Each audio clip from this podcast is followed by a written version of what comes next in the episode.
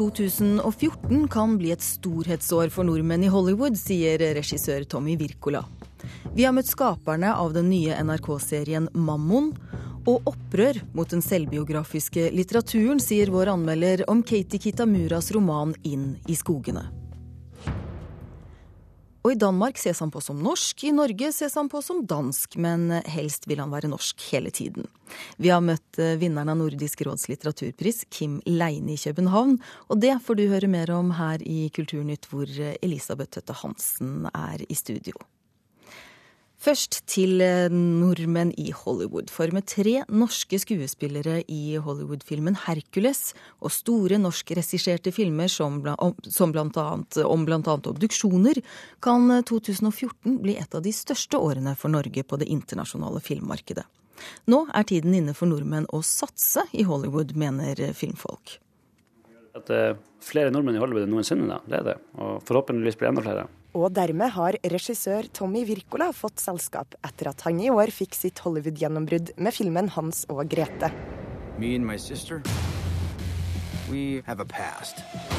Neste år skal Wirkola ha premiere på 'Død snø 2', og enten begynne å filme Hans og Grete-oppfølger, eller en ny science fiction-film kalt 'What Happened to Monday', med Nomi Rapaz i hovedrollen.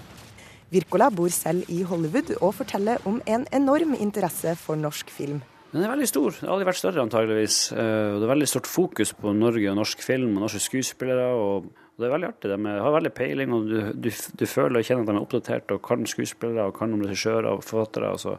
Hvis man la, gjør noe bra i Norge nå for tida, så er det veldig stor sjanse for å bli merke, lagt merke til på det amerikanske markedet. Blant de som har blitt lagt merke til, er regissør Eva Sørhaug, som har et budsjett på nesten 180 millioner kroner og bare venter på ja fra en A-lista amerikansk skuespiller. Hodejegerne-regissør Morten Tyldum skal lage spiondrama med toppnavn som Keira Knightley og Benedict Cumberbatch. Og Kon-Tiki-gutta Rønning og Sandberg jobber fortsatt med femte del av gigantsuksessen Pirates of the Caribbean. Også norske skuespillere vil bli sett i Hollywood neste år. Ingrid Bolse Berdal, Aksel Hennie og Tobias Santelmann skal spille i Hercules-filmen, som har premiere i juli. Bolse Berdal forteller at det er nå nordmenn bør satse i Hollywood. Hvis jeg er i LA og treffer noen, så vet jo de mer om hva som foregår i Skandinavia enn jeg uh, vet. Så de er skikkelig på, altså. Uh, så det er en veldig bra tidspunkt for folk som har lyst til å ut av Norge uh, akkurat nå. Berdal forteller at det er mer maktkamp og politikk på sett i Hollywood. Det er også et stort fokus på utseende, og Berdal tror derfor norske skuespillere blir satt pris på, fordi de er hardtarbeidende og jordnær. Vi er fantastisk godt oppdratt. Altså, Når jeg ser på hvilken tilbakemelding vi nordmenn får Vi er på en måte stjerneelever, altså, for at vi er hardtarbeidende. Vi, har, vi er gode faglig, og vi fokuserer på arbeidsoppgaven. Eh, vi er ikke opptatt av eh, ekstravaganser. Og dermed ler hun selvfølgelig når hun blir kalt Hollywood-stjerne. ja, Hollywood-stjerne, ja. Nei, jeg føler meg ikke akkurat som en Hollywood-stjerne, altså. Folk vil jo alltid prøve å finne naturlige forklaringer på sånne ting. Trolljegerregissør André Øvredal har også store planer for 2014. Hans første Hollywood-film, 'Autopsy of Jane Doe', havna denne måneden på The Blacklist, en liste som ramser opp årets beste manus som enda ikke har blitt filma. Lista har tidligere inneholdt storfilmer som The Social Network og Slumdog Millionaire. Det er jo gøy. Det, det er jo en bekreftelse på at vi har et manus som er, som er veldig bra. Øvredal mangler bare én skuespiller for å begynne å filme 'Autopsy of Jane Doe', og har flere andre prosjekter på gang. Han tror nordmenns suksess i Hollywood rett og slett handler om at vi er blitt flinkere. Nei, altså det, det virker jo som vi er, har nå en så profesjonalisert bransje at vi er like gode som hvem som helst andre. Det, det, tror jeg. Så det der sjølbildet som vi kanskje har tidligere, at vi er litt underlegne, både svensker og dansker og mange andre, det er bare å hive av seg. Reporter var Åsta Hoem Hagen.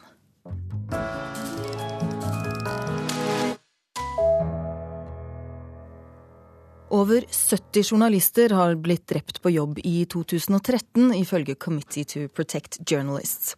29 av journalistene døde på jobb i Syria. Flere av dem var lokale journalister som dokumenterer borgerkrigen i hjemlandet. Ti journalister døde på jobb i Irak og seks i Egypt. Den amerikanske organisasjonen har overvåket arbeidsforholdene til journalister i over 20 år, og tallene viser at de fleste journalister som mister livet på jobb, blir drept mens de dekker konflikter i sine hjemland. Og visningen av en dokumentarfilm om den russiske aktivistgruppen Pussy Riot ble stanset søndag, melder The New York Times. Den er laget av filmskaper og regissør Maksim Postorovkin, og skulle vært vist på et statlig kultursenter i Moskva. Filmen Pussy Riot A Punk Prayer er en av 15 filmer som konkurrerer om en Oscar-nominasjon for beste dokumentar.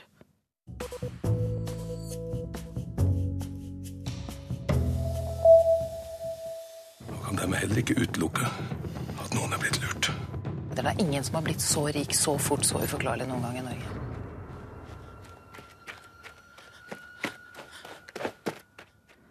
Ja, dette er fra NRKs nye thrillerserie Mammon, som har eh, premiere første nyttårsdag. Serien handler om en journalist som får et tips om underslag i Norsk Hydro. Og det viser seg å være en farlig historie å forfølge. Produsent for serien er Vegard Stenberg Eriksen, mens manusforfatter er broren Gjermund. Vi skriver jo ut fra hva vi er irritert på. Det er mange motivasjoner for hvorfor man lager thrillere, eller hvorfor man lager fortellinger. Eh, men vi syns de beste thrillerne vi vet om, er å komme ut fra en eller annen fordom eller bygg på en eller annen irritasjon. Eh, vi, som for eksempel? Som for eksempel uh, Damages, hvordan makt egentlig fungerer i rettssalen. Eller på utsiden av rettssalen, i det tilfellet. Michael Clayton, som er en annen stor thriller om hvordan eh, ikke alle advokater jobber med eh, de store prosessene. Noen går og rydder opp etter eh, folk. og at det skjer et skittent spill gjennom, mellom stor industri. Og vi syns vel at den ut fra vår frustrasjon, og hva det ikke har vært fortalt på en stund, var hvilken makt mediene har, og hvordan den kan problematiseres uten at man skal lage tungt politisk 70-tallsdrama. Som så, det kanskje er lagd nok av. så det er altså journalistene dere irriteres over her, og ikke Norsk Hydro? Eh, det er både en kjærlighetserklæring til de flinke journalistene, men vi har med noen irritasjonsmomenter, ja. Eh, Vegard, eh, serien har kostet 36 millioner kroner og er allerede solgt til eh, flere land. Har dere tenkt internasjonalt når dere har laget denne serien? Nei, det har vi ikke. fordi først og fremst så må en dramaserie, også for å få internasjonal suksess, fungere først og fremst lokalt. Så jeg, jeg, tror at det å begynne i den enden og tenke internasjonalt er liksom feil sted å starte. Du må fortelle en historie her, og det må fungere her, og så må man se om den reiser.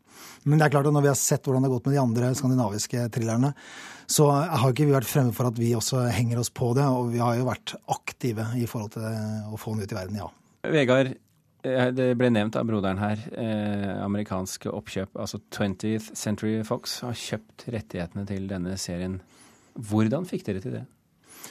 Nei, det, eh, Den historien er egentlig litt todelt. For er, NRK er jo et stort hus. Men eh, det skyldes nok at vi har bygd vårt nettverk, og det sammen med en distributør i London.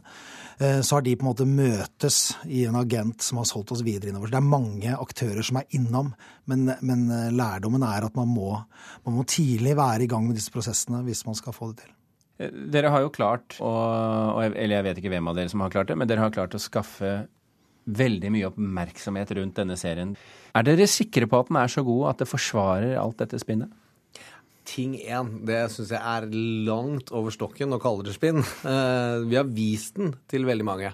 Uh, det er ikke bare av spinning uh, det som kunne mistenkes av en grunn, men for å prøve å være åpne og lære. Altså Hvis vi viser i utviklingsarbeidet, så kan vi dra oss inn, vi kan vri på ting, og vi kan se hvordan den fungerer. Ikke for å lage minste felles multiplum, men for å fjerne gruff og hele tiden jobbe med kvaliteten oppover. Og så har vi hele tiden jobbet tungt med research og det er, vi har ikke noen svære budsjetter til å belønne folk som vi snakker med. Så da har vi alltid sagt at in the end skal dere få se før alle sammen. Jeg, jeg tror det er viktig å legge, legge til at altså det, en viss forventning skal det alltid være når det kommer en dramaproduksjon. Eh, men at vi er sikre, det er det ingen som er. Da hadde vi vært veldig rike hvis vi visste hvordan publikum kom til å ta imot. Men, men det er eh, åpenbart for oss at eh, vi tror veldig på det produktet vi har lagd. jeg har jo hørt at allerede nå så er det dere har begynt å tenke på, på sesong to? Vi er på episode fem av åtte i sesong to. Den skal være ferdig skrevet til november og begynner å filmes da. Men det er selvsagt avhengig av at sesong én eh, går bra.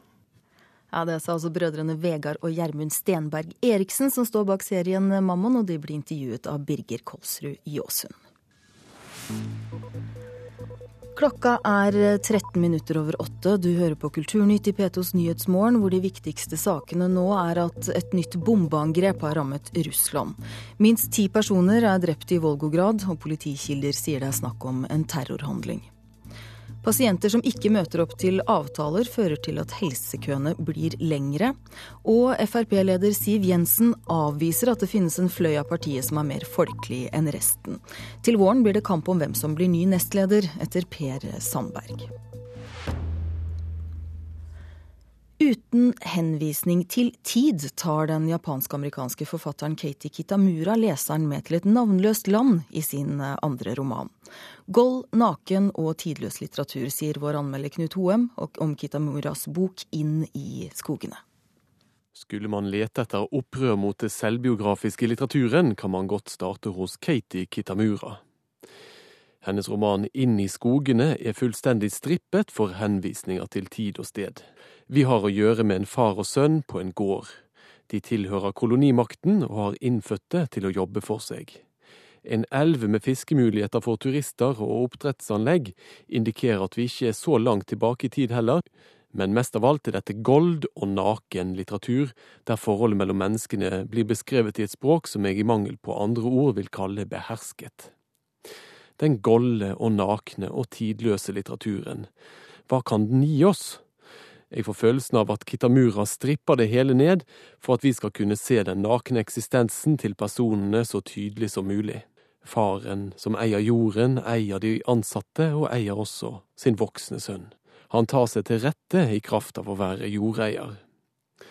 Hvis det var slik at eiendomsforholdene skapte denne typen tyranner som Kitamura skildrer faren her som, så kan man kanskje skjønne det raseriet som fikk, ja får, blodet til å flyte i flere afrikanske land. Dette er en type litteratur som det kan føles underlig å lese i lyset fra juletreet, men som blir mer virkelig når radioen melder om blodige kamper i Sør-Sudan. Det er kvalitet over teksten, og kanskje ville Kitamura følt seg vel i et selskap med forfattere som Jan Roar Leikvoll fra Norge, Cormac McCarthy fra Amerika, eller kanskje til og med Jon Fosse fra Strandebarm. Men iblant så tar jeg meg sjøl i å bli litt utålmodig, eller mer nysgjerrig på hun som skriver. Hva er det som får en japansk-amerikansk forfatter bosatt i New York til å skrive en type litteratur som er så uendelig fjern fra den virkeligheten hun da må ha rundt seg til daglig? På dette, muligens, ja kanskje egentlig helt urimelige spørsmålet, tilbyr Kitamuras roman intet svar. Ja, Det var Knut Hoem som anmeldte Katie Kitamuras roman Inn i skogene, og den er oversatt til norsk av Bjørn Alex Herman.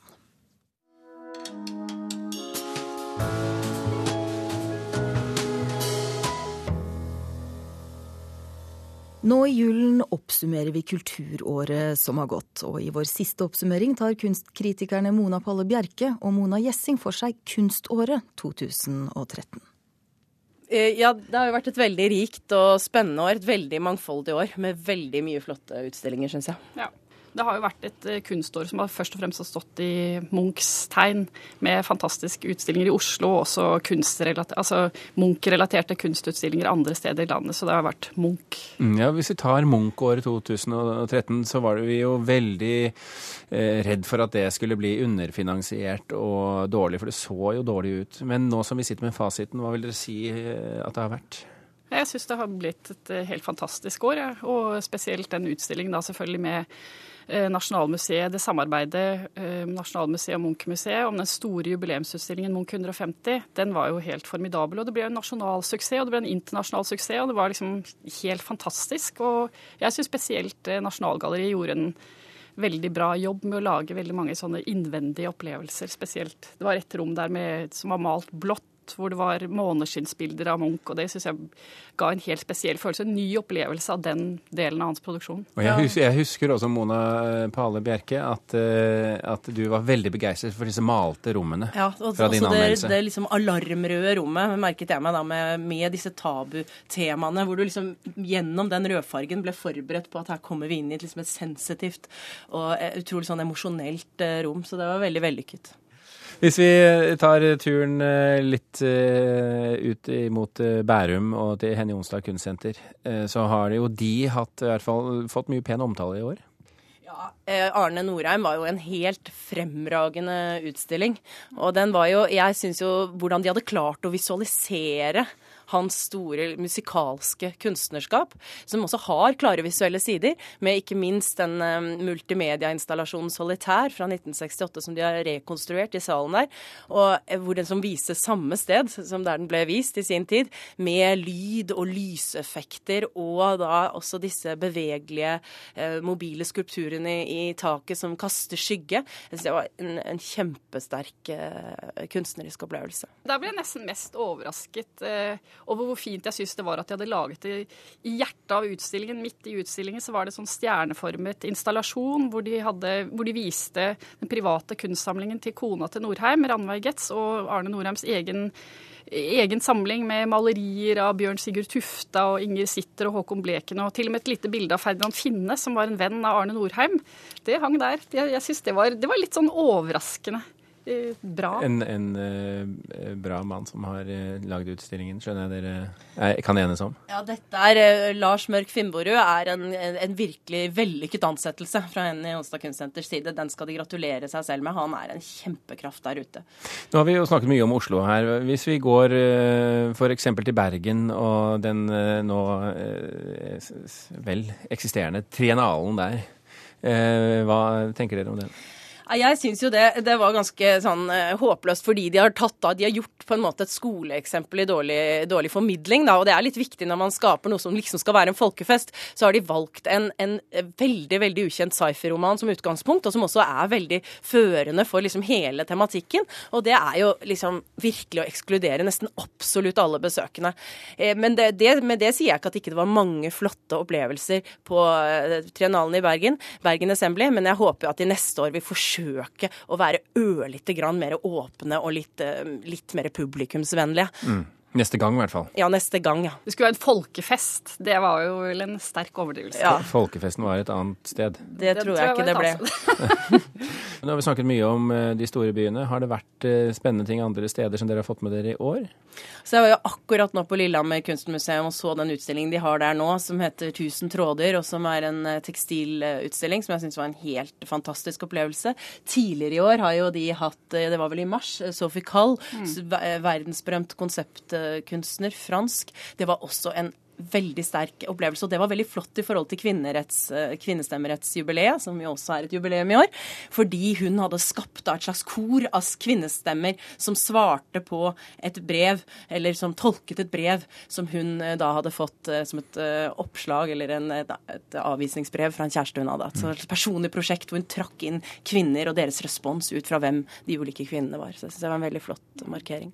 Apropos kvinner og kunst, så kan vi jo ta turen til denne meget omtalte og høyst diskuterte Ekebergparken. Og vi har jo hørt mye i år eh, i Kulturnytt hva eh, Mona Palle Bjerke mener om den. Men du Mona Gjessing, hva, hva mener du om den?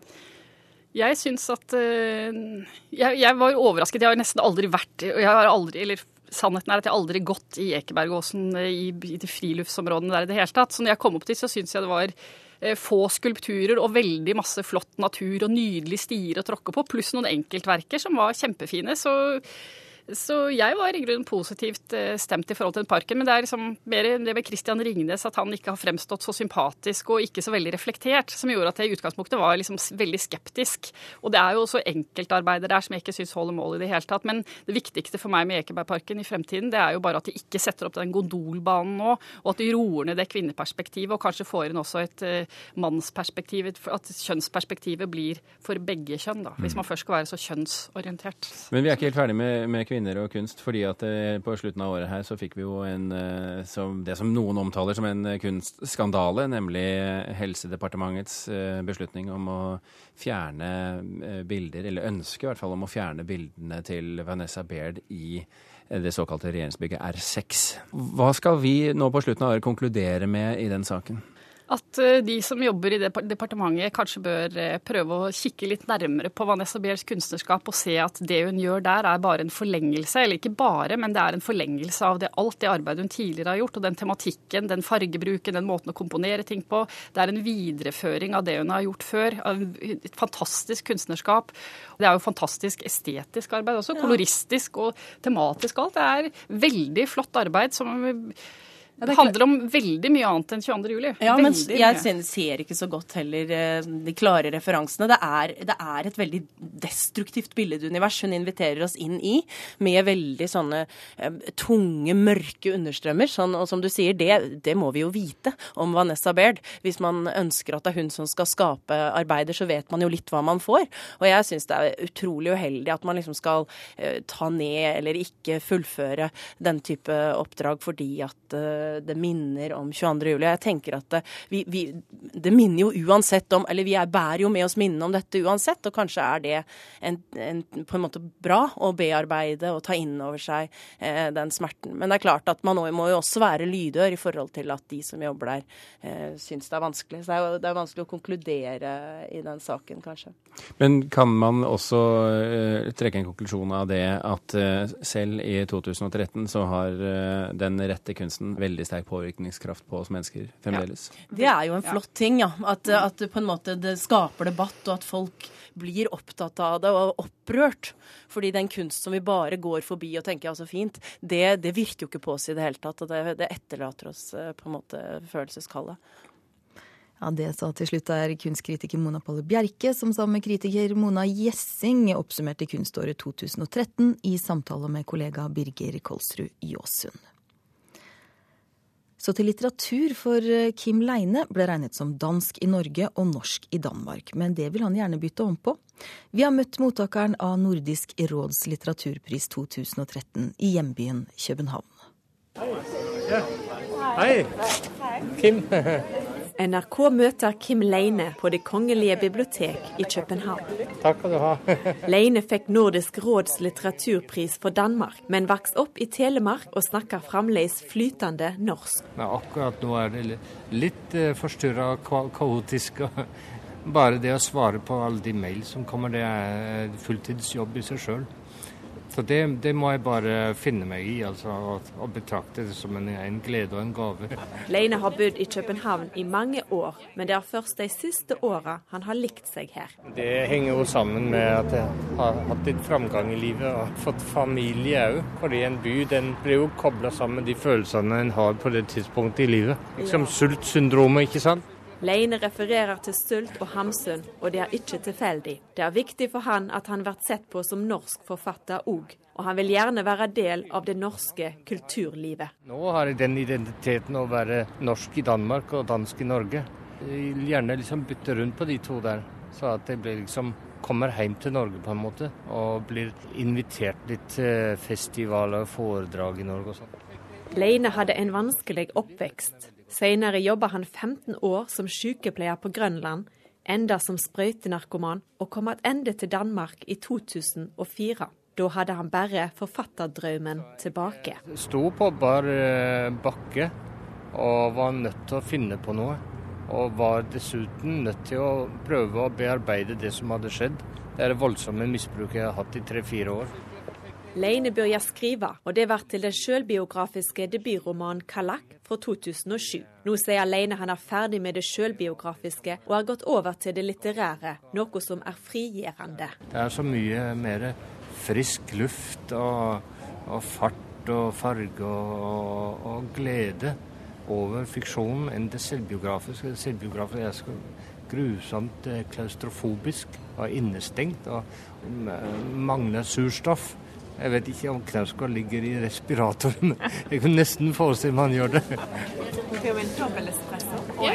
Jeg bestiller en dobbel espresso til Leine. Om han er avhengig av koffein som mange av oss andre, sier han ingenting om. Men misbruk og avhengnad er noe som går igjen i bøkene hans. Det gjelder òg boka 'Profeten i evighetsfjorden', som han fikk Nordisk råd-prisen for. Hun handler om en norsk prest. Så jeg syns vi er to veldig forskjellige personer. Men jeg eh, syns jeg trengte å beskrive denne livsreisa eh, sirkelen. Og sirkelen har mye med misbruk å gjøre. Avhengighet og repetitiv atferd og alt det her som jeg har rota rundt med i, i, i mange år i mitt liv. Boka Leine nå skriver på, handler delvis om den finske borgerkrigen. Og handler om en dansk frivillig i denne borgerkrigen. Og en krigsroman som handler om at man går inn i krigen og så oppdager at man ikke kan komme ut av den igjen. Og det er en erfaring som mange unge mennesker i dag gjør. og også mange land gjør den samme erfaringen. Og de har begynt der nede i Irak på 90-tallet, og hvor det ellers var, så kan man ikke komme ut av det her i krigsgreia igjen. Reporter her var Tove Irén Gerhardsen. Folk har strømmet til kinoene denne romjulen. Besøkstallet er langt bedre enn gjennomsnittet, og det ligger an til å bli den beste kinoromjulen de ti siste årene, ifølge bransjeorganisasjonen Film og Kino. Det er filmen 'Solan og Ludvig jul i Flåklypa' som ligger på topp med over 800 000 besøkende. Og paven er kåret til årets best kledde mann av mannebladet Esquire, det skriver VG. Magasinet mener pavens stilrene klær signaliserer en ny æra og reflekterer den moderne måten han tenker på. Ofte kledd i hvite kapper med designdetaljer har den 77 år gamle pave Frans blitt omtalt som ungdommens pave. Og med det er Kulturnytt slutt for denne gang. Produsent har Ugo Fermariello vært, tekniker Frode Thorshaug og programleder Elisabeth Tøtte Hansen.